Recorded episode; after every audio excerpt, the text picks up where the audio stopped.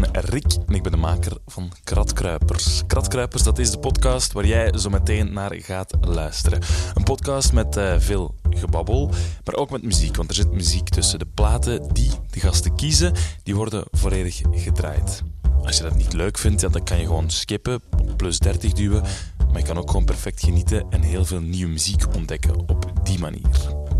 Het is uh, aflevering 19 van Kratkruipers. Uh, eh, 19, dat wil zeggen dat er nog wel veel meer afleveringen zijn als je gaat kijken op de website. Maar 19e aflevering is de 19e keer dat ik bij iemand thuis ben gaan zitten. Naast de platenkast, want zo doe ik het. Ik ga langs bij een verzamelaar, een muzikant, een muziekliefhebber. En we hebben het over muziekplaatjes en praatjes. Daar is het eigenlijk Kratkruipers. Deze keer zat ik naast de platenkast, of toch naast de cd-kast en een platenkast en nog wat cd's op de grond, wat platen op de grond, bij Lander Gijsselink. Lander Gijsselink is misschien wel de bekendste drummer van België. Hij heeft al een paar Mia's op zijn schouw staan als beste muzikant, maar ook met zijn band Stuff bijvoorbeeld heeft hij er gewonnen.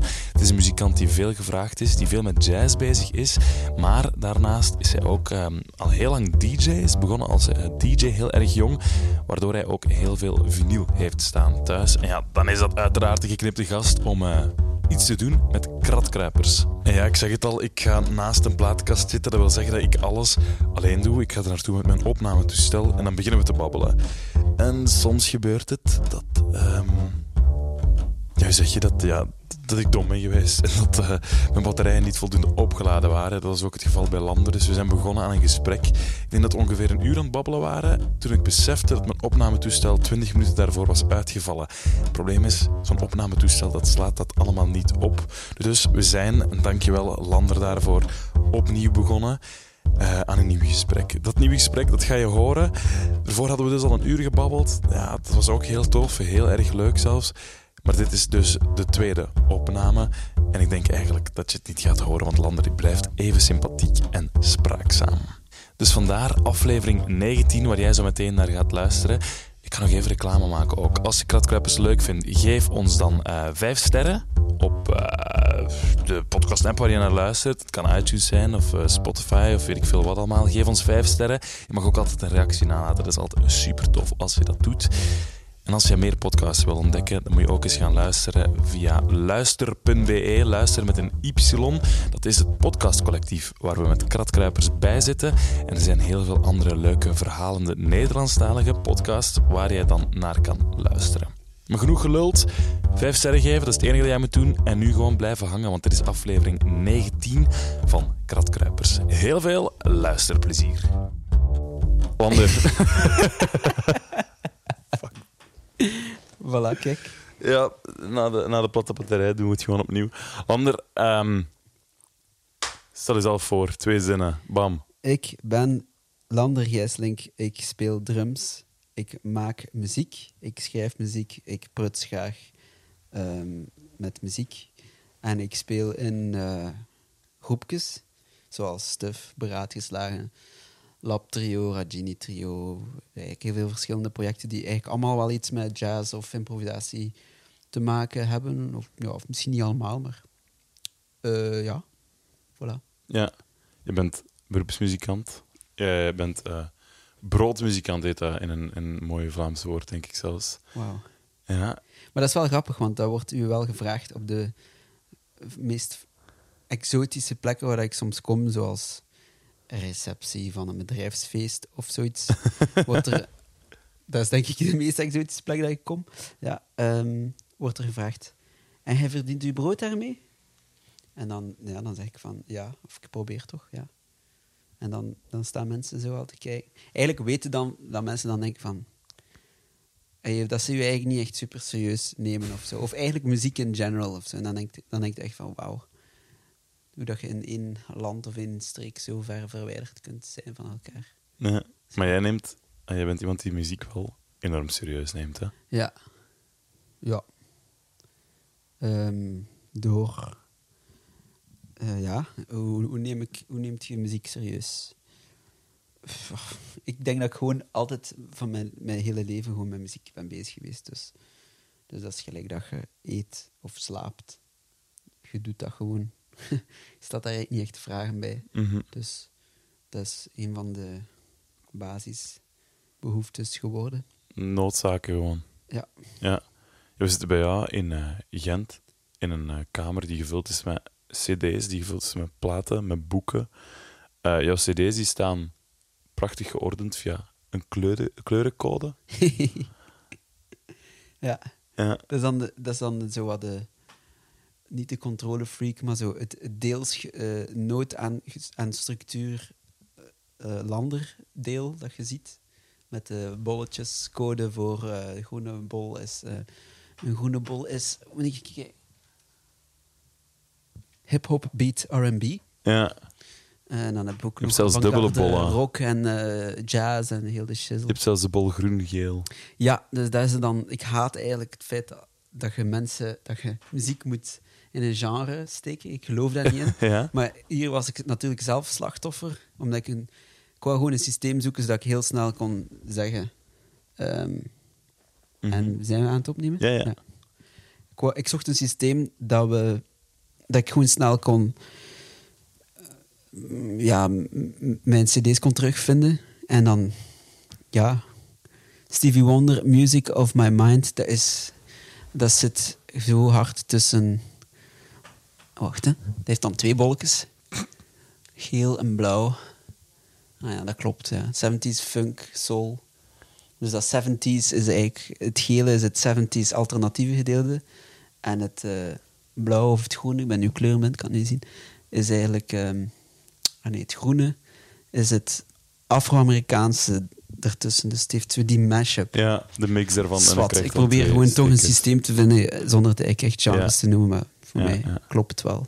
Ik zie nog een hele hoop cd's liggen die nog gelabeld moeten worden ook. Nee, dat zijn eigenlijk vrienden die cd's geven. Ja. Nu zijn de vorm van eh, messenger mails of Instagram mensen die zeggen van, dat moet je checken. Mhm. En eh, vroeger was dat echt in fysieke vorm. En ik heb nog inderdaad twee keer een hoopje van f- 60 centimeter van cd's die ik eh, moet luisteren van vrienden. dat ik zeg, ja, ik ga, dat, ik ga dat deze week doen. En die liggen daar dan natuurlijk al vier jaar of zo. Ja. Maar ook zo dingen die ik eh, gekocht heb, dat ik ze tegenkwam en dat ik wist van, dat moet ik kopen. Maar dat ik gewoon, die gewoon nog niet open zijn. Ik heb dat echt super vaak gewoon. De helft van die cd's zijn gewoon niet open. Ik checken. Ja, dat je ze ziet, dat je zo in de mediamarkt market komt en dat je denkt van, oh joh, ik moet dat hebben. Of je hebt het al op vinyl, maar je wilt dat dan ook op... Dat is dan typisch ik, ik wil dat dan ook op cd. Ja. ja. Ja, een hele, hele stapel. Je hebt daar ook... De platen staan een beetje verspreid onder jouw draaitafels. Want je hebt hier twee pick-ups en een mixer staan. En daar in de kast staat nog een IKEA-kast vol met eh, één Red Bull Electropedia Awards en vinyl. Want die staan hier ook verspreid. Er ligt zelfs een Mia op de schouw. Ja, een die Mia, die, die Mia is eigenlijk om mijn ruit. Als, die, als de ruit open staat, dan slaat, slaat de wind dicht. Dus dat is eigenlijk gewoon een soort van eh, ruit. En de andere Mia's, dat zijn eigenlijk boekensteunen daar. Ja, Ja, wordt geapprecieerd, de prijs. ja, ja ik word, ze zijn redelijk zwaar en onhandig. Dus eh, het is Ja. ideaal om zo grote dingen tegen te houden van te Het is vallen. ook gewoon een praktisch net, die Mia. Het is heel praktisch. Ja. Ik, zou, ik zou niet zonder kunnen, Rick. Zeg, je hebt daar een kast staan met platen. Ehm, mag ik jou vragen om daar blindelings een uit... Ik ging dat net doen, Rick. Het is ongelooflijk hoe dat je... mij Zodat zo- je het al weet Ja. dat dat misschien ging gebeuren. Oh shit. Nice. Wat heb je vast? Goeie, goeie smaak. Dat zeg ik het zelf. Eh, ik heb iets vast. Cool verhaal, denk ik. Eh, Gary Clale's TechHead Sound System. TechHead is een, ik geloof, Britse industrial post-new wave band. Van, en dat is een plaat van 87. En dat is een, dat is een plaat produced door Adrian Sherwood. Ehm, die zo in die ja, een maffe avant-garde pop-industrial scene zat. Ehm, wat ik er nog mee van herinner, ik was in New York, ik moest die plaat hebben, want ik was super eh, geïntrigeerd door het feit dat de ritmesectie van Sugar Hill, Ga- Sugar Hill Records. Ehm, dus vroeger werkte labels in de 70s altijd met een vaste ritmesectie, of eigenlijk gewoon een een band. eigen band die de plaat Voilà. inspeelde. Ja. En Sugar Hill Records had een vaste band met Keith LeBlanc, dat is een drummer ervan. En ik weet niet, dat, dat is gewoon een zotte, zotte link met dan die industrial, zo die gasten die eigenlijk met hip-hop zijn begonnen, daar hebben ook dan banden met maffe industrial. Ja, dat is zo, dit is zo wat de alternatieve versie van electrofunk dat in, in New York is ontstaan, maar dan eigenlijk in de UK. Dus dat was zo de meer eh, lefty cult band of zo. En, ja. En wat sprak jou er zo in aan? Sorry? Wat sprak jou er zo in aan? Ehm, niet de muziek, maar gewoon die, die link vond ik super maf. Gewoon zo een of andere Britse industrial producers. eh, met dan met het feit dat die dan gelinkt waren aan Sugar Hill Records. Ik zag het gewoon niet. Ehm, en dat is een goed voorbeeld van hoe dat muzikanten in de States en producers, dat die eigenlijk ehm, dat dat niet zo gescheiden is. Dat die eigenlijk altijd met heel veel, en zeker in New York, dat jazzmuzikanten eigenlijk tegelijkertijd de most demanded studiomuzikanten waren voor eender welke pop, soul eh, band of zo. Dat was gewoon standaard. Gewoon deel van die craftsmanship of van de ambacht. En bij producers zie je dat eigenlijk ook. Dat dat gewoon zo overal eh, connected is. Dus dat je... Met andere woorden, dat is zo'n beetje het teken dat als je met je, met je één iets waar dat je in gelooft, je daaraan vasthoudt, van ik wil enkel dat doen, ik geloof daar eigenlijk niet in of zo. Ik weet niet. Dat heeft mij ook altijd, denk ik, getekend als muzikant. Ik heel veel verschillende muziek de max vond. Of dat dan nu jazz is, soul of productie of beats of clubbing music of wereldmuziek of zo. Pff, ik maak echt gewoon geen onderscheid. Dus als jij in je, in je kamertje de rest van je leven enkel beats maakt die enkel zo of zo zijn, ehm, sorry, maar na vijf jaar zit je op. Als Ja. de muziek zo snel evolueert, als je niet mee zit, dan ga je jezelf gewoon de das omdoen. En ik weet niet, ik vond dat een schoon voorbeeld dat gewoon zelfs in de 70s, ta- jaren 80, dat, dat er gewoon zo'n crossover was of zo. Dat, ik vind dat wel, vind dat wel cool. Ja, we gaan eens luisteren, die crossover. Ja, je checken.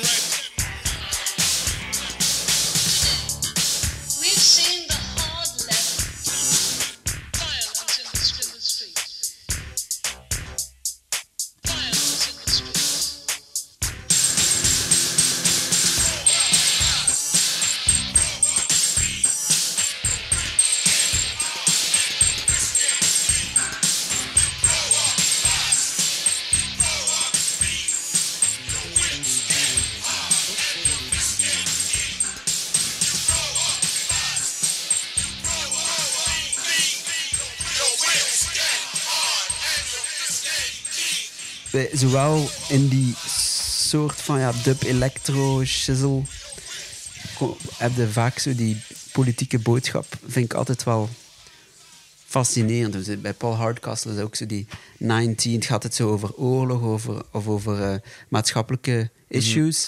Ik vond dat wel, vond dat wel cool. Zeker dan omdat je dat, die eerste samplers hoort. Dus hoort je zo tekst tussen zo'n super dikke beats. Ik vond dat Ja. altijd wel maf.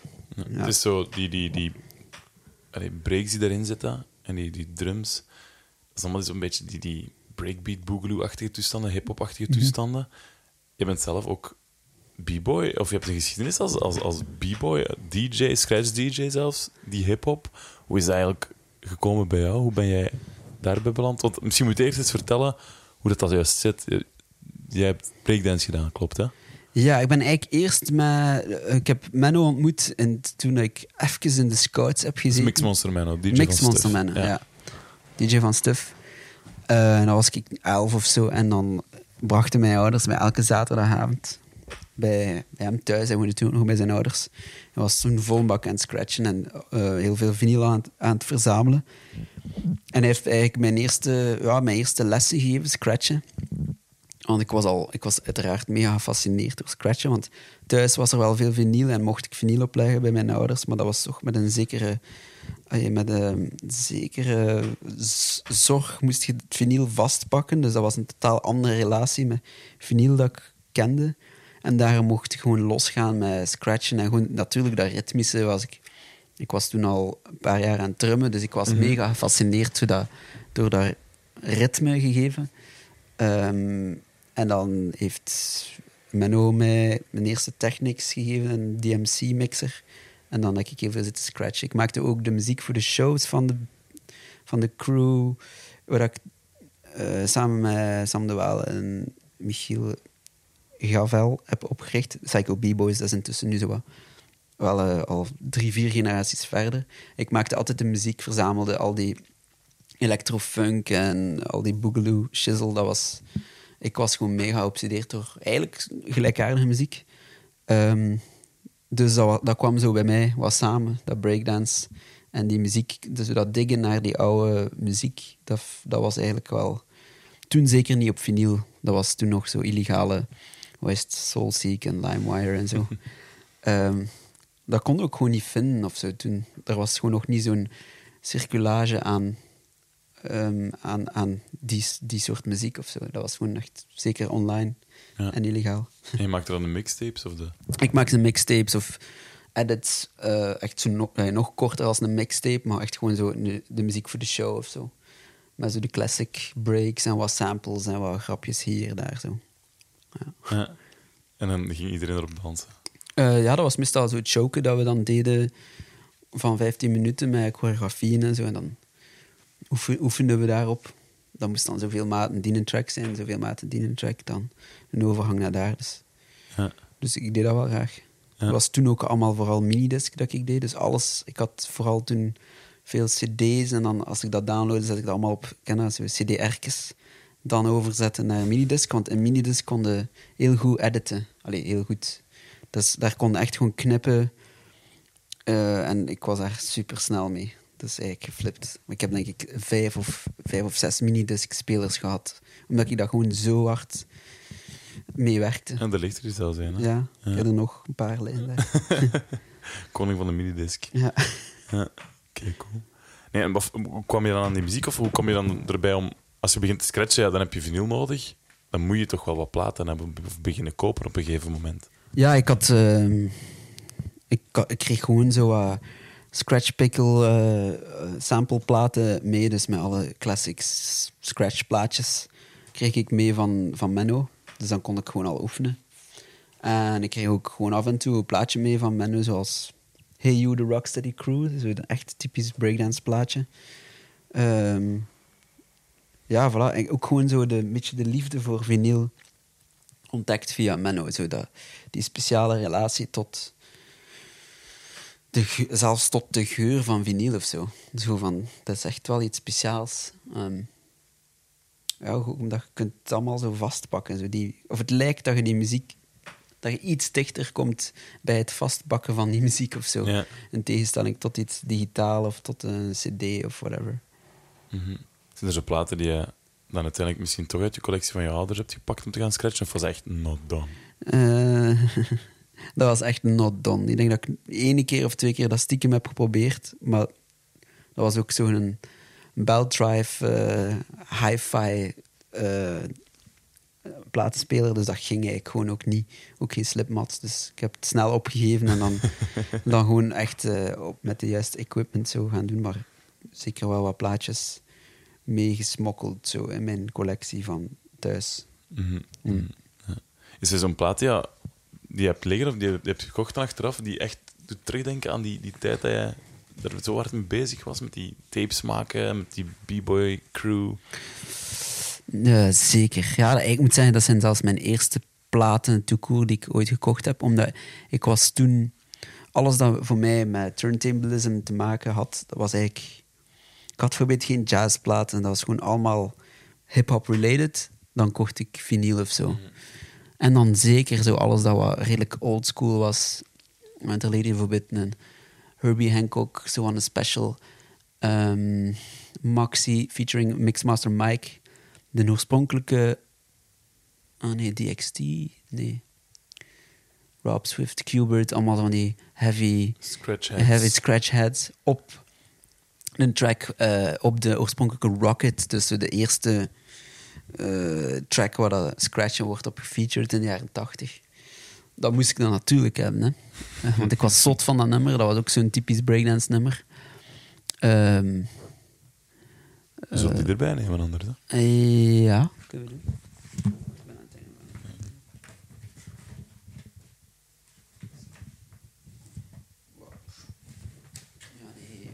Rocksteady Crew is wat was. Nee, ik denk dat ik eigenlijk eerder ga gaan voor ehm, Midnight Star, wat dat een van mijn favoriete groepen ever is. Uh-huh. Eh, Goeie hoes ook wel. Goeie hoes, altijd. Dikke hoes. erop, er staat een heel bende en dan een vrouw die een bekeuring krijgt. Ja. No parking on the dance floor. Wauw. Sowieso, die gasten. Ehm, ja, eh, ik weet al we gaan luisteren. Hè. Freakazoid. Ja, kijk, ehm Mintken, eh, wat zeg ik nu? Mint Condition. Midnight Star is zo'n groep die vanaf de jaren 70 R&B, soulgroep, maar wat meer trendgevoelig altijd. Dus die gingen altijd zo wat de trends volgen. Ehm, die hebben superveel platen gemaakt en zo een paar hitjes. De be- bekendste hit is Midas Touch. Ehm, en ik ben daar eigenlijk altijd zot van geweest. Ook in New York, eh, geloof ik, heb ik de discografie gedownload en heb ik eigenlijk alle platen beginnen checken. Eh, De moeite? en- ja, echt wel. Ja. Echt wel. Echt zo de eer, van de eerste platen dat je denkt van wow, dat is zo wat meer Cameo of zo. Nog, nog ervoor eigenlijk echt zo wat meer funk-funk. En dan, of ja, Gap Band misschien nog meer. En dan eind de jaren 80 zijn die nog bezig, begin jaren 90. En dan is dat echt de typical go-go, R&B, groovy, Prince vibe ja, muziek. Ook altijd op goed label gezeten. Solar. Dus zowel de, de, de dance classic zo. En dat was echt een, typ, een typische breakdance eh, track.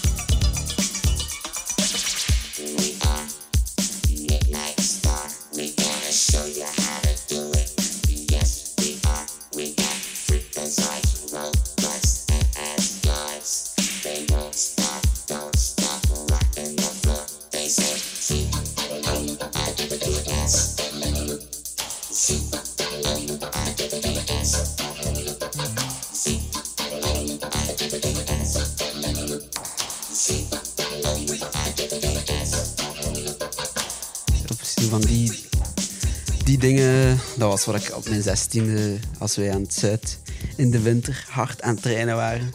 Met ons, met ons ehm, mini boomboxje, met ons acht heroplaadbare batterijen Ja. op, de kas, op cassette zetten. Ehm, ja, dat was ik soort van gewoon al die...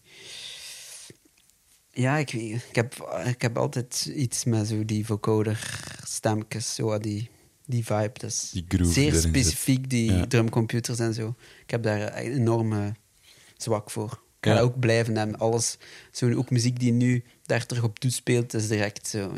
Val ik in zwijm voor of zo. Mhm. Ja. Maar pa- bijvoorbeeld, pak nu...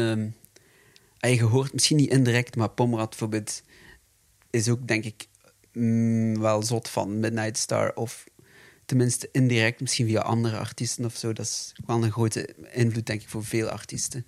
Ook al is dat nu in zijn hele klassieke vorm redelijk stijf of zo, maar dat is wel, is, wel cultuur voor veel Ja. producers, denk ik. Ja. ja. Als ik nog even verder terug ga, want je bent beginnen DJ'en of, of beginnen scratchen dan. Je bent beginnen... als b-boy begonnen hier in Gent. Maar je was daarvoor al, eigenlijk al van heel vroeg met muziek bezig. Je bent heel vroeg beginnen muziek spelen, gewoon thuis in je slaapkamer of, of, of in de living. Beginnen drummen? Of... Ja, ja ik, ben, ik heb mijn eerste drumstel gehad op 6 december. of is, ja, ja. Officieel. Ja, 6 december, eh, I don't know, eh, 19... Hoe, hoe, hoe, hoe, nu gaan we diep hoor. 19, ik denk 1992. ja. Eh, en, dan, en dan sindsdien heb ik dat drumstel, eh, dat Mickey Mouse drumstel, dat was eigenlijk heel crappy. Hè? Daar was niets echte drumstel aan eigenlijk. Dat, waren, dat was een je, soort van was een jaar of fictief vier, vijf. ja, vier, vijf. En Ja. dan, en dan ja, ben ik daaraan beginnen knutselen. Eh, creatief zoals we waren thuis. Met potten en zo potjes en spaflessen erbij monteren. En om een soort van Elke jongensdroom, of drummersjongendroom is natuurlijk zo. Een kit te hebben gelijk... eh, ja, de, de typische Phil Collins setup. Zo, weet je, genoeg, genoeg toms en... Dus eh, dat in mijn verbeelding was ik dat ook, in mijn fantasie was ik dat ook aan het creëren. En ik, wij luisterden thuis wel, we hadden wel zo. Mijn ouders hadden wel een goede muzieksmaak. Dus dat wil zeggen dat we, ja, als ik zes, zeven was en ik was ook vooral beïnvloed door mijn oudere broer, die ook wel een redelijk kritische blik op muziek had en altijd al zo een goede selectie maakte. Er was heel veel Frank Zappa thuis dat we naar luisterden. En Frank Zappa is ook echt wel zo musicians music. Mhm. Dus je hebt daar ook wel zo een eh, connectie met heel veel topmuzikanten. Ehm, dus ik, ik, ik er was- thuis was er altijd goede muziek en er werd ook altijd geluisterd naar topmuzikanten eigenlijk. Het is nooit dat we... eh, die ambacht van muziek zat er eigenlijk wel altijd in of zo, naar de muziek dat we luisterden. Daarmee dat die stap niet zo... Dat die redelijk dicht was. En er was ook altijd veel rhythm and blues en Mhm. 70s zwarte muziek eigenlijk bij ons thuis. Ja, en je zag dan die, die, die drummers, of je hoorde dan die drummers op die platen, die zo waarschijnlijk enorm imposant klonken ook gewoon.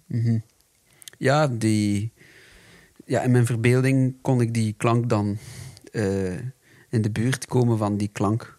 Maar ja, dat is natuurlijk niet zo, maar dat was gewoon... Allee, ook eh, heel veel beginnen... Ja, zo de meters mee beginnen spelen, want dat is ook wel heel specifieke grooves die heel goed zijn eigenlijk gewoon. En ja, die beginnen mee oefenen tot in de eeuwigheid, dreunend in het huis. Dat moet verschrikkelijk geweest zijn voor Ja, ja, ik was familie, net aan het denken, je ouders en, en, en broers en zussen hebben enorm veel geduld gehad. Ja, en de buren ook, denk ik. Ja. Het is ongelooflijk, eigenlijk. Want ik was vorige week bij mijn, mijn ouders en mijn, mijn petekindje was aan het drummen of aan het proberen aan het drummen. En wij zaten beneden in de living en dat was echt zo... Wauw.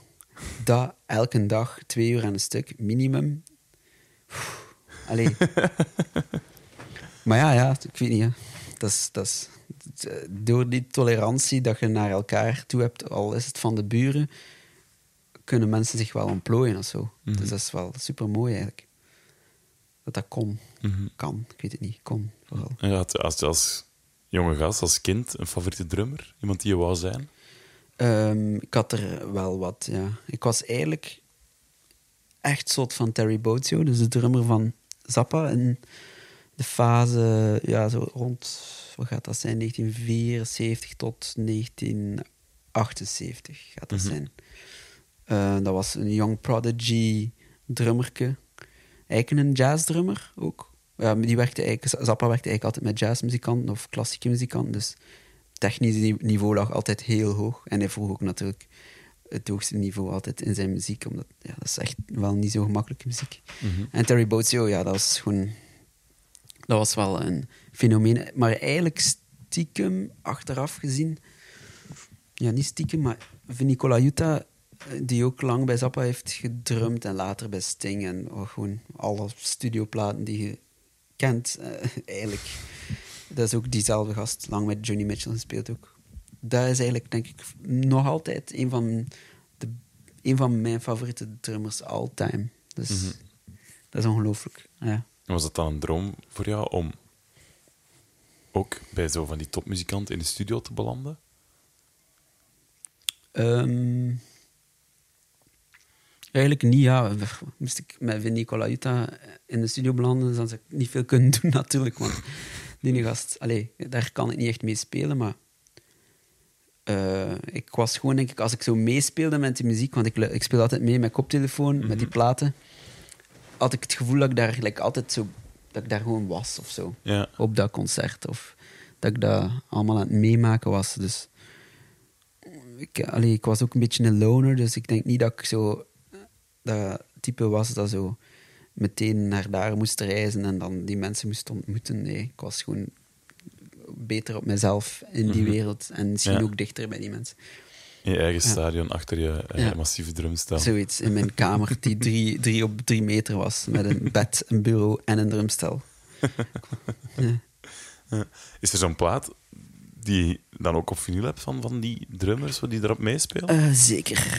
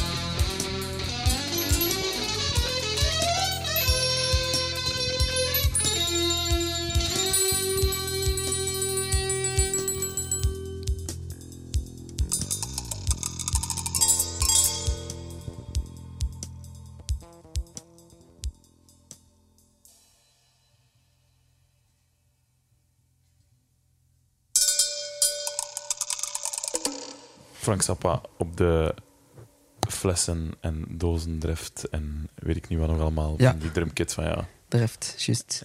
Ja. dat, is wel, dat was echt een zot drumstel. Ik heb er nog foto's ah, ik, ik weet, om maar niet gewoon even te schetsen hoe triestig dat, dat ik soms ben. Eigenlijk als emotioneel niet zo intelligent persoon. Allee, Savan nog, zeg maar. Ik heb mijn eerste liefke... Het is echt zot. Om maar te ze- zeggen hoe obsessed ik met muziek ben of eh, bezig was als kind, vooral als kind, denk ik.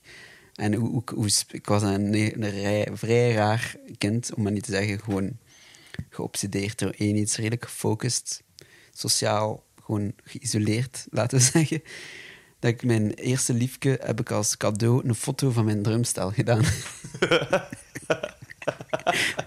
Wauw. Dus dat was echt zo voor mij de ultieme. eh, ik begreep dat niet. Ik kon dat waarschijnlijk niet begrijpen, maar dat was gewoon voor mij. Ah, ik zie die echt zo graag. Ik ga die een foto geven van mijn eigen drumstel. Weet, hoe reageerden ze, weet je dat nog? Maar dat weet, ja, wat we waren denk ik. Dat is zo dat liefje wat dat je. Hè, is het aan of is het uit? Ja, zo ja. dat, ik weet het niet. Ik weet. eh, Zo awkward. ik ben wel blij dat ik ooit heeft ze me die foto teruggegeven. En daardoor had ik, heb ik een foto van. Want mijn moeder heeft dat, heeft dat drumstel weggesmeten vanaf dat ik een echt drumstel had. Als ik elf was, dan kreeg ik een echt drumstel. Eh, maar ja, dat, dat is eigenlijk, eigenlijk wel spijtig, want dat was wel een, een piece of art. Gewoon zo. Mhm. Vooral vrij krakkemikkelig, Ja, ja. geknu- geknutselde ding. Maar daar, daar, is er wel, daar heb ik wel de grootste... Ik weet niet, daar heb ik wel mijn, mijn, phone mee gelegd of zo. Mhm. van, van mijn muzikant. Dus daar opnames van bestaan. Eigenlijk wel, ja. Dat zou wel mooi geweest zijn, eigenlijk. ja. Ja. Hoe ben jij in die... In, in, je bent dan als kind, zeg je, keiveel met muziek bezig, keiveel aan het drummen, keiveel aan het spelen. Stond dat vast dat je naar het conservatorium ging en je ging drummen, dat dat, dat dat jouw leven ging worden? Nee, eigenlijk niet echt. Ik denk dat ik op mijn zestiende ben ik wel wat meer naar jazz begin luisteren door, door zo wat de gestaag goede platen binnen te krijgen. Of dat was dan voor mijn verjaardag of zo, ik weet niet. Kerst kreeg ik dan een plaat van mijn, van mijn broer en van mijn, van mijn ouders. En dan ben ik zo eh, in... Eerst via, dus ja, bijvoorbeeld Zappa of andere soul-albums, zijn eigenlijk altijd... De studiomuzikanten zijn eigenlijk vaak dus jazzmuzikanten. En dan ben ik dat beginnen checken. En naar aanleiding van zo dat netwerk te beginnen kennen, pak nu de toetsenist van Zappa, George Duke, eh, was ik geobsedeerd door. Ik check zijn platen op NPS en dan ontdekte zo supercoole, ja, zo wat early fusion plaatjes. En dan ben ik eigenlijk zo wat in fusion jazz gerold. En dan via fusion jazz en, en zo wat de meer jazz-jazz eh, Ja. dingen. Van de softdruk naar de harddruk, eigenlijk. Z- eh, ja, eigenlijk, ja, in realiteit, ja, eigenlijk wel.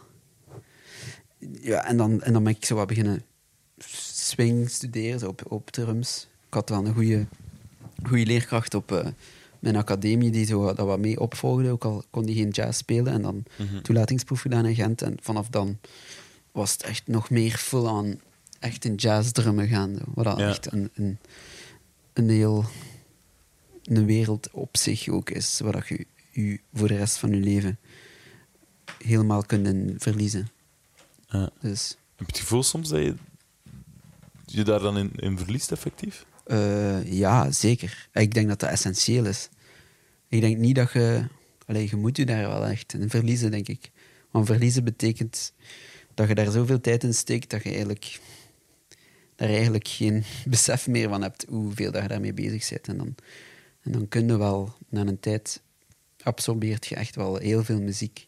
En word je echt daardoor doordrongen en dan, ja, dan, dan ga je echt wel iets beheersen of zo. Je kunt, er is geen shortcut voor zo, zoiets fysiek te leren. als je een instrument fysiek moet leren, eh, ik heb het nu niet over produceren of zo, maar echt, als je wilt leren drummen of bas spelen of piano spelen, dan zijn er geen shortcuts of zo. Zeker als je, zeker, ja, zeker als je dan ook iets specifiek wilt kunnen of zo.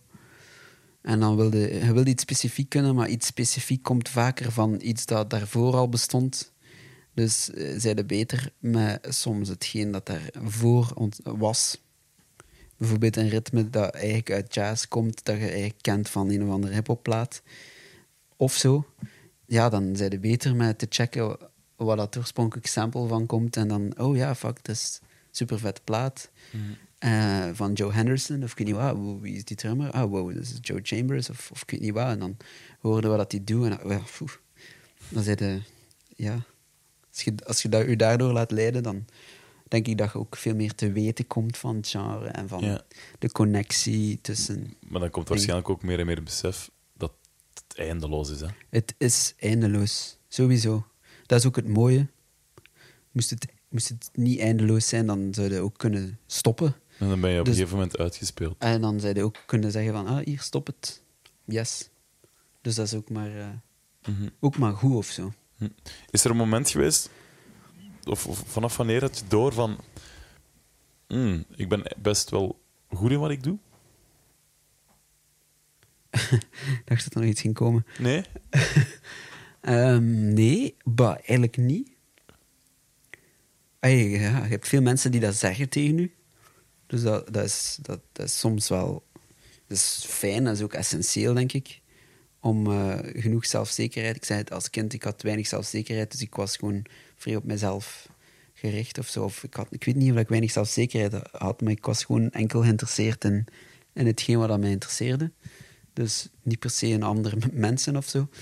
Ehm, maar ja, die bevestiging die, dat geeft wel genoeg push om verder te doen eh, met wat je bezig bent. Maar eigenlijk die energie krijg je altijd meer uit de muziek zelf, die je triggert of dingen dat je wilt te- te weten komen, hoe dat de connectie zit met dat. En ik wil die plaat nog checken, want ik, heb, ik ken dat nog niet. Ik ga naar de biep fietsen, want ik moet dat echt vandaag. Eh voilà, dat is gewoon hetgeen dat, dat mij doet, deed muziek spelen en muziek checken. Zo. Dus ik denk niet... Ja, dat, dat is misschien een reden waarom dat ook iets eindeloos is of waarom dat je goede muzikanten creëert. is gewoon omdat dat op zichzelf leeft, zo. Los, los van de erkenning. Want als je op basis van erkenning muziek speelt, dan... Ja, dan... Dat is niet zo gezond, denk ik. Ja. Je, jij zit, je zegt het, je verliest jezelf meer dan eens in muziek, in jazz. Welke plaat die jij hebt liggen, moeten wij echt eens horen? Of welk nummer moeten wij echt eens horen nu jij dan toch de kans hebt? Voor iemand die er niet de jaren al eh, aan gegeven heeft, maar die dan nu even een buitenkans heeft om die nu gemakkelijker te ontdekken. Oké. Zo gewoon van jazz of zo. Ja, iets van jazz. Ja. Ja. Oké. Ja, want jazz is ook niet zo eenzijdig, dus dat is, dat is, daar start het al. Dus je kunt, eh, we kunnen naar een of andere rare bebopplaat luisteren van Lenny Tristano, maar we kunnen ook... eh, we gaan naar iets anders luisteren. Ik ga iets opleggen dat...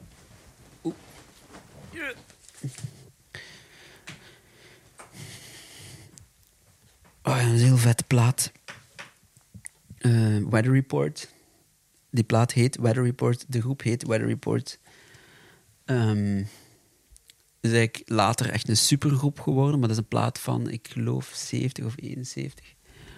Eh, ja, zo'n periode waar ik wel enorm door geobsedeerd was, want dat was eigenlijk de, de plek waar, of het moment waar dat jazz samenkwam met poprock, ehm, waar dat jazz eigenlijk een soort van revolutie heeft gekend, vind ik.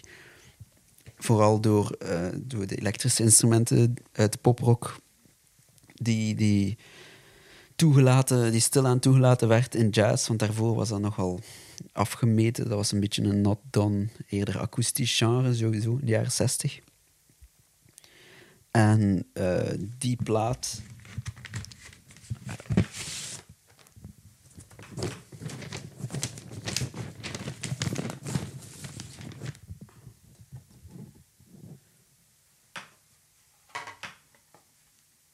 Schappig hoe dat ik platen Een scratch. Ja, dat is zo een heel maf plaatje eigenlijk. Want die groep is ook mega geëvolueerd. In de jaren 70, in de jaren 70 is dat een supergroep geworden met, met eh, number one hits. Maar in het begin voor mij is altijd een band en zijn eerste plaat, dat is gewoon iets speciaals. Hier hoorde die ruwigheid van, eh, van die tijden, die tijden waar dat, ja, ja, dat kan ik moeilijk uitleggen. Het is zo, je voelt de tijdsgeest. Mensen zijn aan het zoeken in de muziek en dat wordt toegelaten. En het heeft allemaal een ruwe kant en je voelt ook de identiteiten van die groepsleden. Het is nog super jong, maar al heel sterke persoonlijkheden. Wayne Shorter op sax, Joe Zawinul eh, op keys. Ja, dat, dat, je voelt dat gewoon borrelen of zo. En dat is een beetje een harde plaat, maar het is een mooie mix van experimenteel, een beetje free, geïmproviseerd, geschreven muziek, jazz. eh, al eigenlijk ook de Braziliaanse of meer ehm, exotische invloed in jazz, die toen al aan het ontstaan was, in New York vooral. Ehm, waarvoor dat jazz daarvoor iets meer traditioneel gericht was. Dus je hebt eigenlijk alles in die plaat zitten, zodat Ja, dat, ja, ja, vind ik heel maf. Cool plaatje. right. Weather Report. Ja.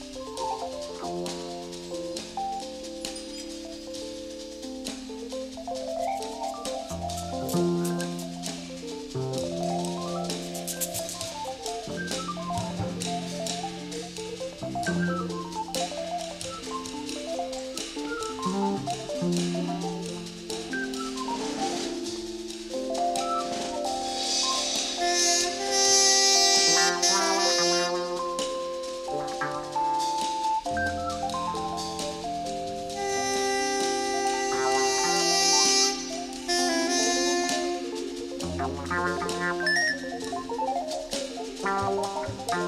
you.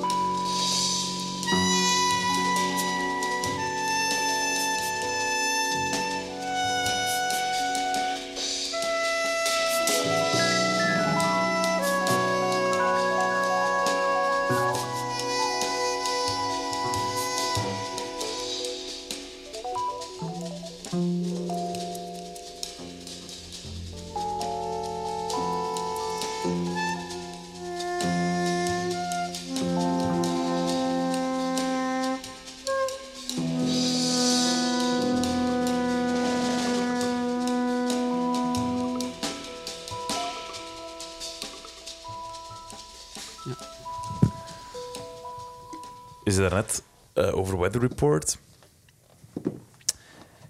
Dat is een eerste album. En je hoort meteen al dat die gasten...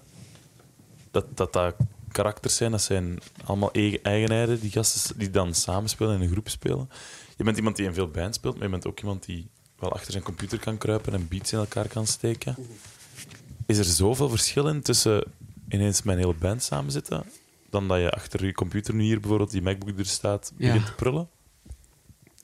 Dat is, dat zot. Dat is echt niet normaal. Ik vind dat super flippen zelfs. Nog altijd flip ik op hoe dat muziek zo...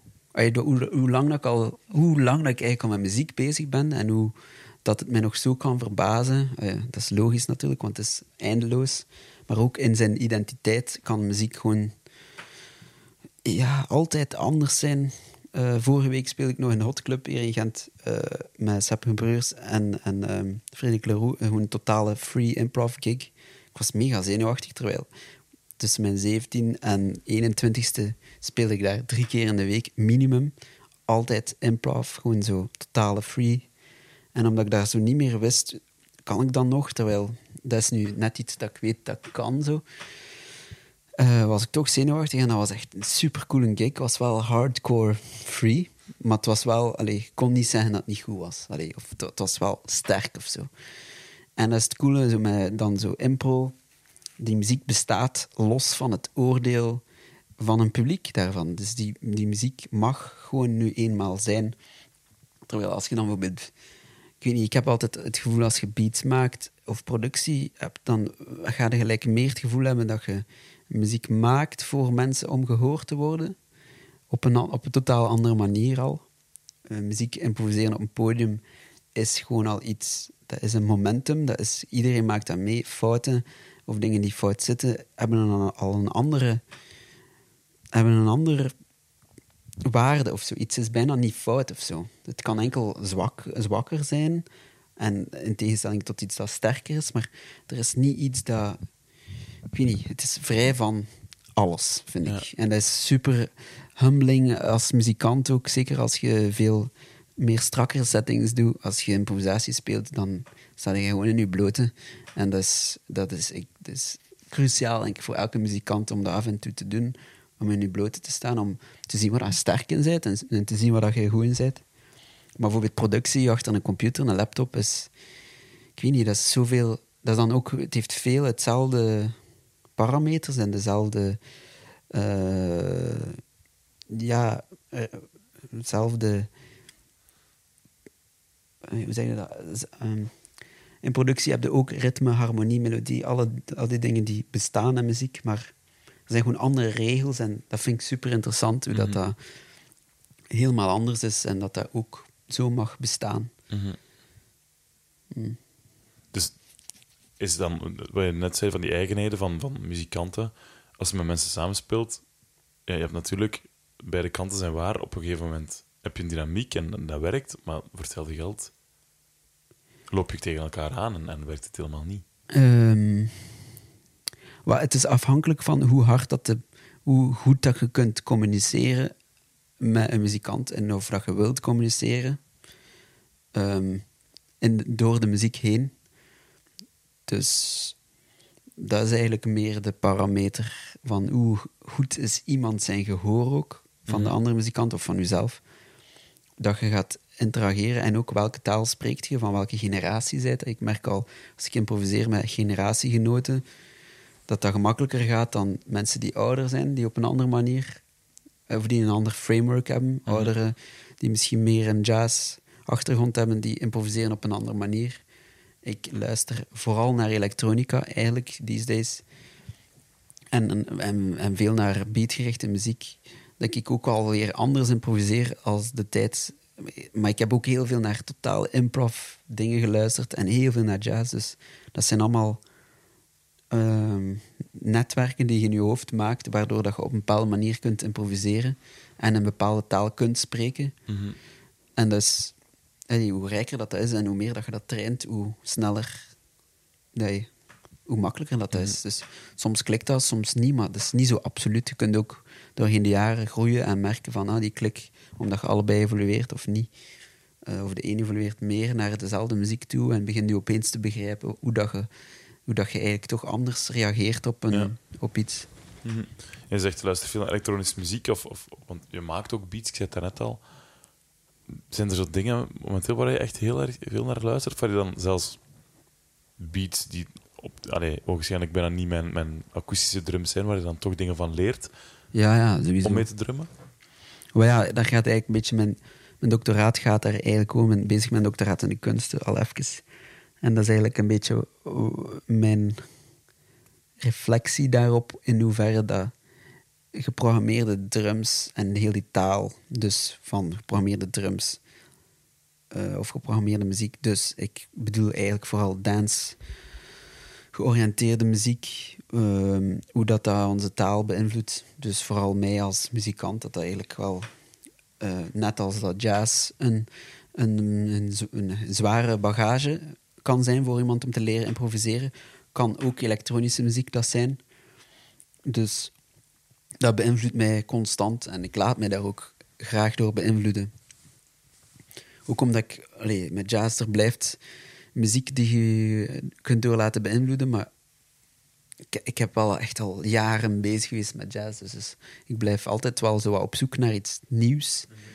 Ehm, en nu zit dat wat meer in elektronische genres, maar ook in allerlei, alle, alle muziek die voor mij iets heeft, heeft, is geldig of zo. Dus. Is er ook een, een, een of kan ik daar zo een drang in zien naar altijd iets nieuw of vernieuwend willen maken?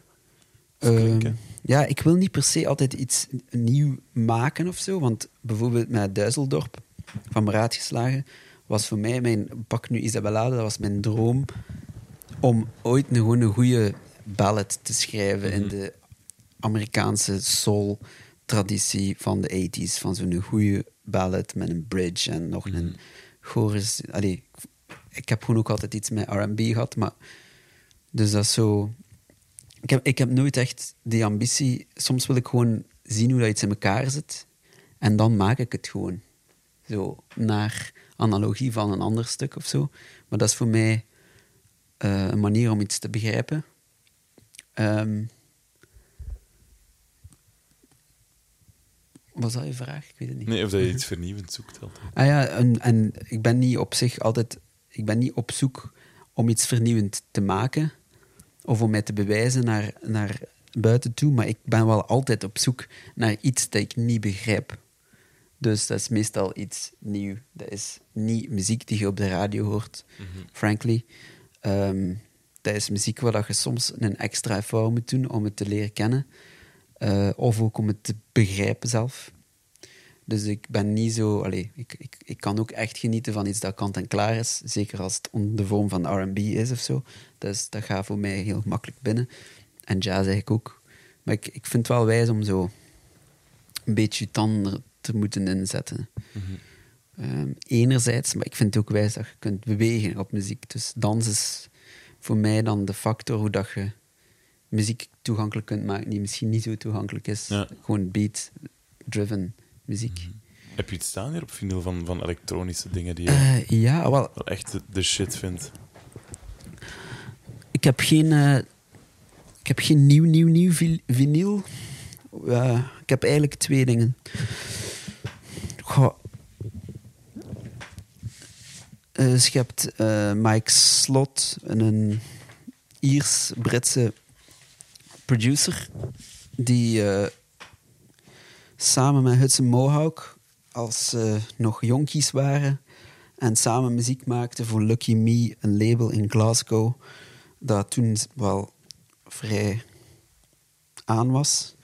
Ehm, dat is nog een grote invloed geweest voor mij en ik denk al mijn generatiegenoten die bezig waren met hoe muziek en elektro eh, hoe dat hip-hop en elektronica aan het samensmelten waren. Dus ik geef gewoon een voorbeeld. Ja, Pomrad, eh, Dries van, van Stuf. Eh, we zaten allemaal op conservatorium en dat was zo aan het gebeuren. Niet zo expliciet, maar we hebben dat dan... Ja, we zijn daar wel zeer sterk door beïnvloed. En dat is eigenlijk... Is dat nu, is dat nu normaal gezien niet? Ik weet het niet meer. Ik pijs dat het 45 is. Klinkt wel goed zo. Fuck. Maar ja, dat is omdat al samples zijn al gepitcht dat je het niet meer weet. Ja, Puzzles is die EP. eh, Her- Heralds of Change, ook zo'n goede naam, jongen. Godverdomme.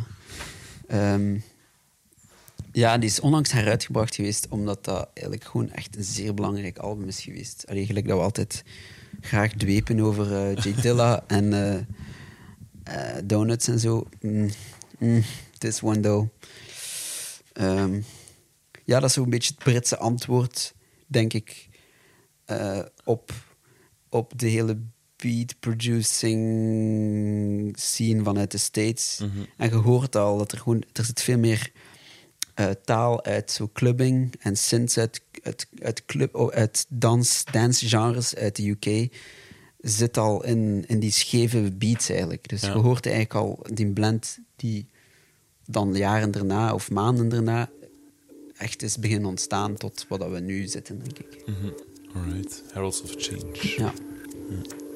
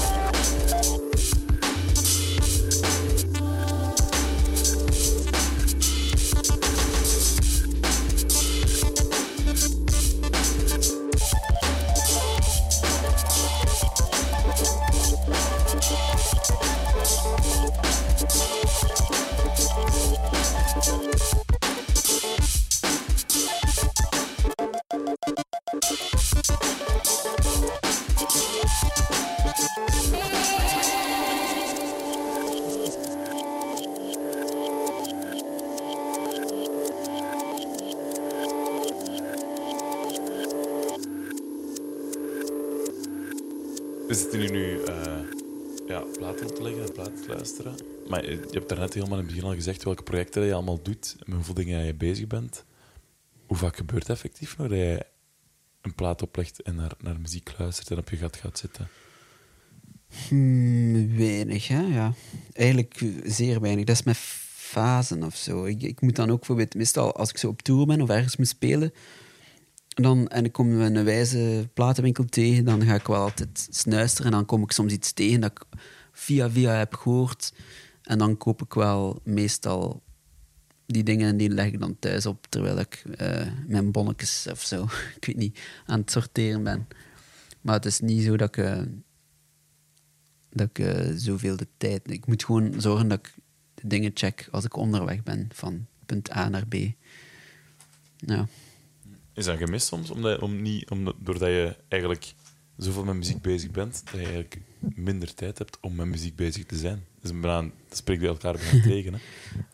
Eh, ja, zeker. Daarmee dat ik het wijs vind om te draaien, eigenlijk. Want ik ben geen goede... Ik, ik zie mezelf niet als zo'n top-dj of zo, maar ik ben wel al bijna 28 jaar bezig met muziek.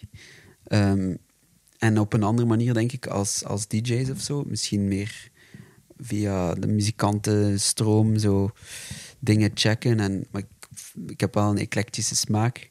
En door DJ-sets te doen of mixes of zo, dan kom je terug op dingen eh, die je anders niet op stoot of zo. Of ook gemixt bepaalde muziek toevallig. Of gewoon omdat je zoiets hebt oh fuck, ik ga deze dan maar doen. En dan, ja, je ontdekt gewoon nieuwe dingen in de muziek door, door te mixen eigenlijk.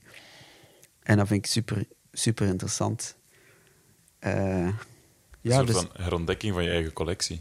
ja, ook alleen al als, ja, inderdaad, als je je muziek moet verzamelen, sowieso al. Maar ook door te mixen of zo, kun je, krijg je weer een ander perspectief op muziek die je al zo goed kent, omdat je net aan het mixen bent met iets dat je daar normaal niet zou mee associëren of zo. Dat doe je dan maar gewoon omdat je daarop komt.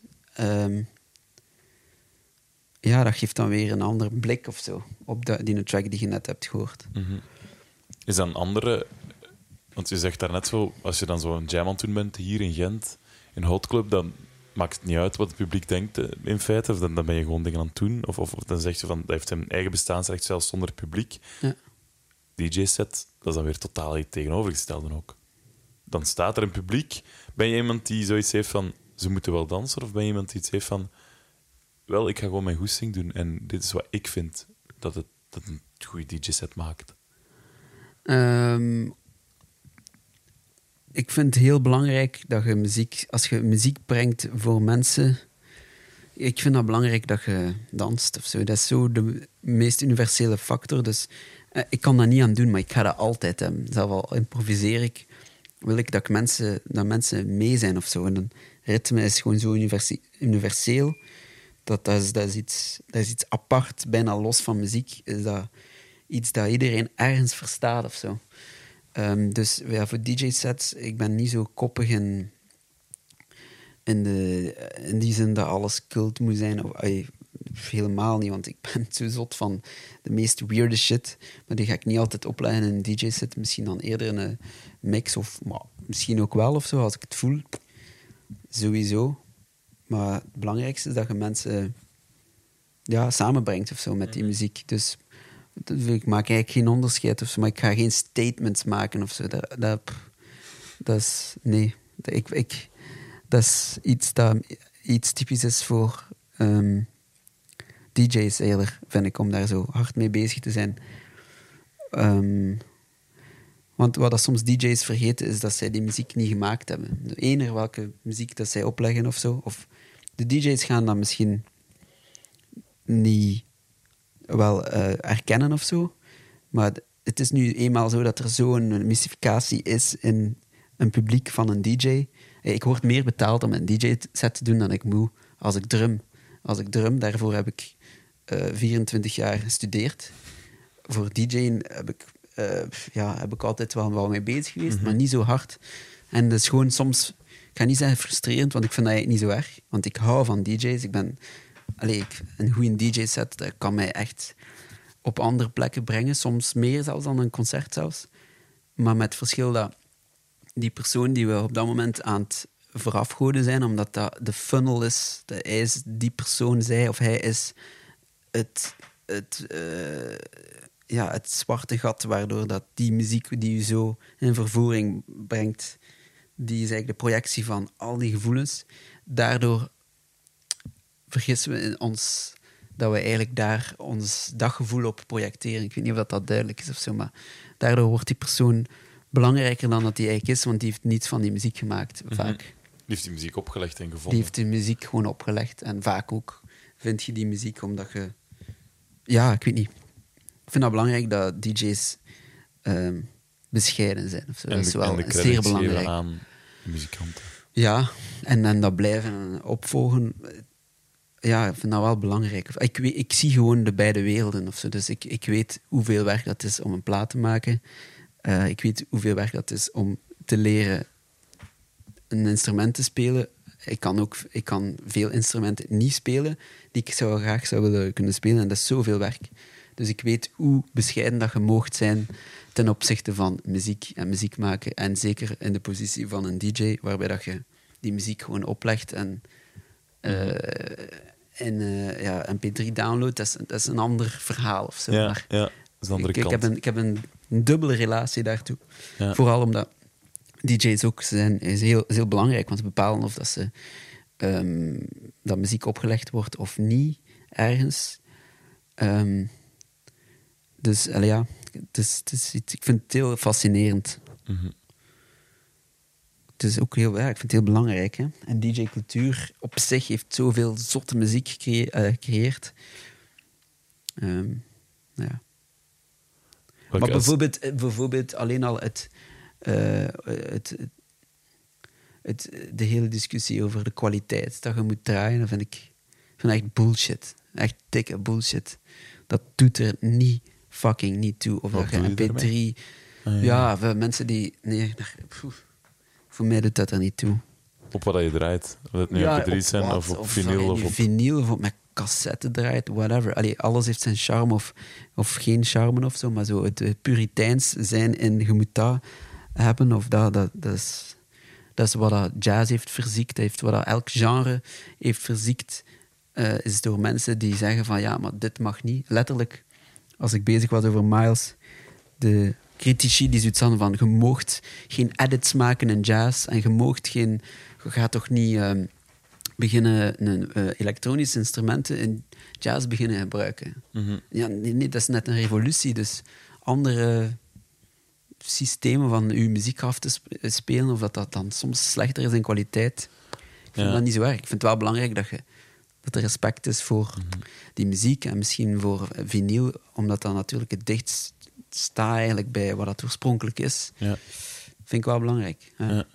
Wat is er zo de betere dansplaat die je nu hier ergens ziet liggen? Je kunnen opgooien die jij wel in een DJ-set zou kunnen gooien. Ja, dat is zeker... ehm, ja, dat is die reality testing van Lone. Matt, ook wel voor de vriend. Ah nee, het is Levitate, zeg ik. Reality testing is van daarvoor. Ja, dat vind ik wel vet. Sowieso. Hebben die, die heb ik ooit op, eh, ontmoet op een festival met Stuf. We, zaten, we sliepen in een tentje naast elkaar. Ah, ja. Zo, ja, de Britse festivals zijn meestal wel hard, meer hardcore. Dus ook de artiesten die slapen gewoon achter het podium. achter het hoofdpodium in een tentje. En wij zaten gewoon wat buiten te chillen. En er was een gast naast ons die zo wat met zo'n speakertje... Die legde net deze plaat op. Die le- legde dit op, Heralds of Change. En dan een mega weird, obscuur RNS-nummer. En dan terug was zo... Ik, bijna, ik vond het gewoon zo dat ik al die nummers kende. En ik zei, wow, nice taste. En ik gewoon zo wat beginnen babbelen. En dat bleek dan Lone te zijn, Ja. die die avond moest spelen. En ik volg die al een tijd. ehm, een beetje zo de revival van de UK dance. Heeft, hij heeft lang op RNS gezeten. Of soms brengt hij nog dingen uit op RNS. Jong gastje, mijn leeftijd. eh, die eigenlijk zo vanuit een liefde voor Boards of Canada vooral. Maar dan ook weer, dus heel veel ja, hip-hop mix met, met breakcultuur eigenlijk. Ah, breaks cultuur. En UK dance genres van de 90s vooral. Dus het heeft zo altijd wel een no- nostalgische trip. Maar hij maakt heel goede melodieën, zijn harmonieën zijn zo. Het is altijd zo wel wat slim, maar op een aangename manier. Zo. Oh ja, whatever. Welk nummer? Wat ik cool vind aan Lone is ja, de mix van alles. En het maffen is, ik vind dat er weinig muzikanten zijn nu die dat aan het doen zijn. Hij is zo gestart met dezelfde eh, loop of push als Machine Drum, wat een van mijn favoriete producers is. Eigenlijk alles dat hij heeft gemaakt vind ik redelijk geniaal. Dus vooral ritmisch is dat gewoon super sterk. En Lone is daar ook zo. Die, bij hem is dat ook. Is gewoon alles wat hij maakt. Ook de latere dingen, wat dan misschien niet super. Niet zo super sterk is, is nog altijd ritmisch gewoon zo. Ah, gewoon goed. Ja. Alright, Loon.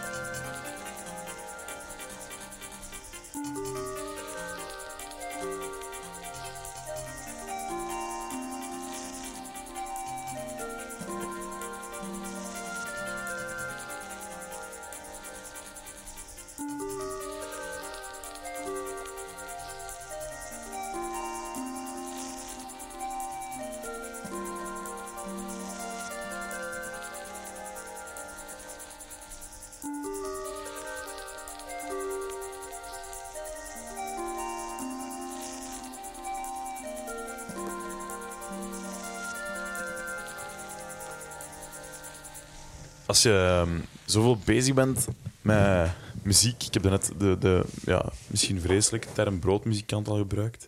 Dus het, het is jouw leven, je verdient er zijn geld mee, je bent bijna verplicht om daarover na te denken en te doen.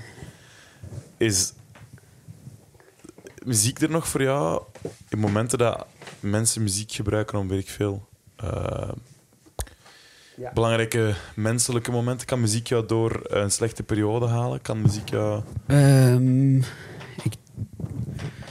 ja, ik heb onlangs ontdekt, van mezelf ook, ehm, door het feit dat ik zo constant met muziek bezig ben, dat ik ook eigenlijk vaak niet meer luister naar de muziek waar ik super geïnteresseerd in ben. Dus dat ik eigenlijk vaak eh, een, een plaat die ik meest beluisterd ga hebben, gaat eigenlijk niet de plaat zijn waar ik het, het beste vind of zo. Dat gaat misschien gewoon zijn waar ik nood aan had om als soundtrack van die periode te zijn. Ehm, terwijl ik vroeger meer gericht luisterde naar wat ik echt wou maken of zo. Ja. Maar ik denk dat ik bijvoorbeeld de laatste periode, ja, ik ben meer bezig met elektronica en echt zowel de, ja, de, de typical dance eh, muziek, omdat dat mij veel energie geeft gewoon. Omdat dat gewoon nu eenmaal, ja, computergestuurde muziek heeft wel vaak gewoon zo die push. Ehm, dus dat, dat doet mij wel veel deugd. Want ik ben, Ehm. ben aan het denken, ik had een aflevering van Kratkruipers met Lefto. En die, was toen, die vertelde toen dat hij in een, een, een moeilijke periode zat. En dat muziek hem er echt heeft doorgeholpen op bepaalde platen die dan gewoon een soort van leidraad vormen. Ja, zeker. Ja, classic sowieso. Doorheen heel het leven. Of dat dan nu breuken zijn, alles. Is gewoon, muziek is wel de meest healing. Maar soms ook niet. Soms kan ook muziek, omdat dat net zoiets emotioneel is, kan dat soms ook ehm vrij dat triggeren of zo. Dus ik kan. Ik ga soms de periodes dat ik mij misschien... eh, ik ga mij niet wen, eh, wentelen in een heel goede singer-songwriter als ik eh, liefdesverdriet heb. Want dat is gewoon dubbel op. Wat ik doe, is gewoon dan nog na- naar meer up muziek luisteren. Dus nog meer dance shit gewoon gaan checken. Omdat dat gewoon het meest appen zit of zo.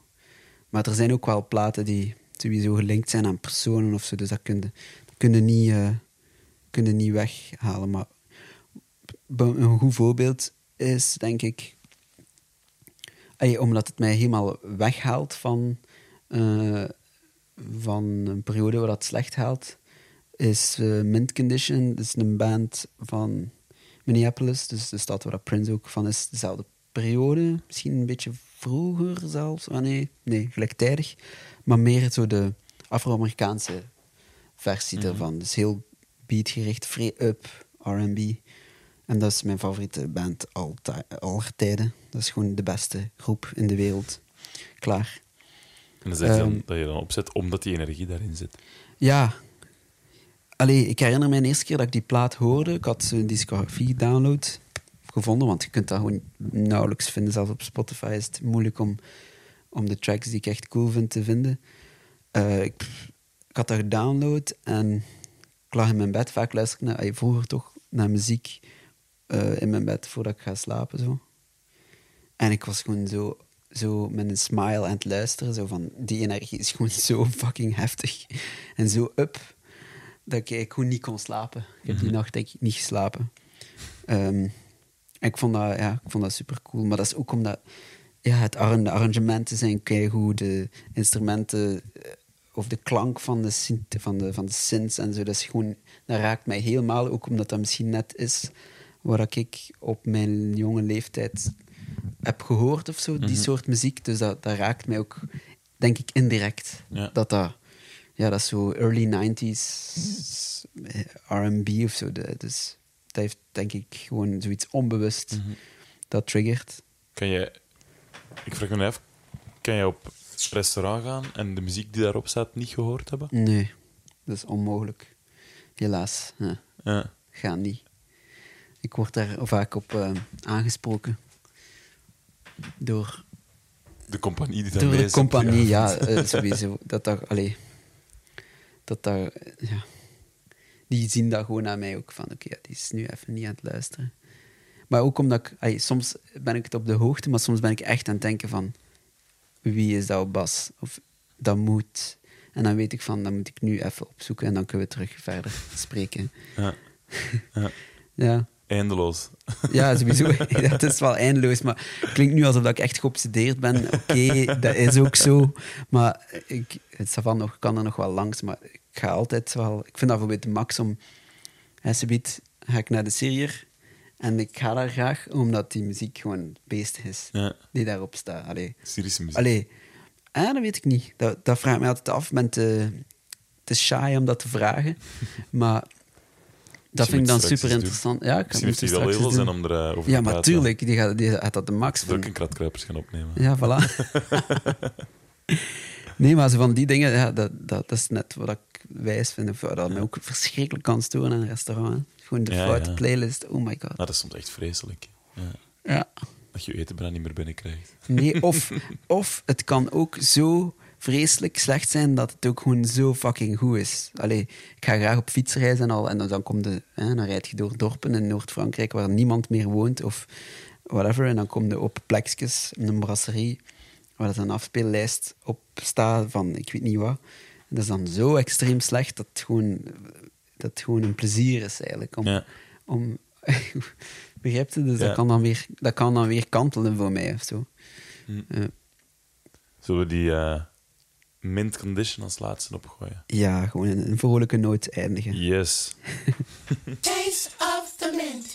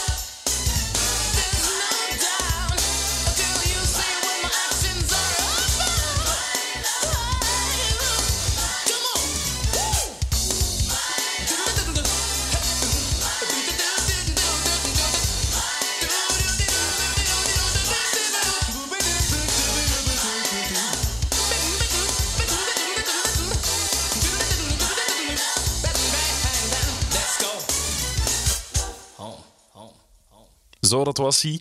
De negentiende Kratkruipers, of toch de negentiende keer dat ik naast iemand zijn platenkast ging zitten. Ik hoop dat je heel veel muziek hebt ontdekt. Ik heb alleszins heel veel coole dingen gehoord bij Lander Gijsselink, de gast van deze aflevering van Kratkruipers. Ik hoor jou graag trouwens, hè, als jij ideeën hebt van gasten, eh, als jij opmerkingen hebt, als jij denkt dat kan beter, of dat vind ik eigenlijk gewoon zalig en je wil dat laten weten, dat kan altijd via rik.kratkruipers.be of je kan berichtjes sturen via Instagram of Facebook. Er komen altijd heel erg goede tips op binnen. Als jij ons nog niet volgt trouwens op Facebook of op Instagram, eh, wel, doe dat dan. Hoe meer zielen, hoe meer vreugd. Mijn bomma zei dat altijd en die had nog niet eens een Facebook. Jongens, jongens, jongens, die was vooruit de partij. Goed, dit was aflevering 19. Snel een nieuwe aflevering. Ah ja, als je tips hebt van gasten, laat ze maar weten. Hè. Instagram, Facebook, rik.kratkruipers.be. Goed, voilà. Tot de volgende. Je hoort me terug in een andere aflevering van Kratkruipers. Tot in de draai. Luister.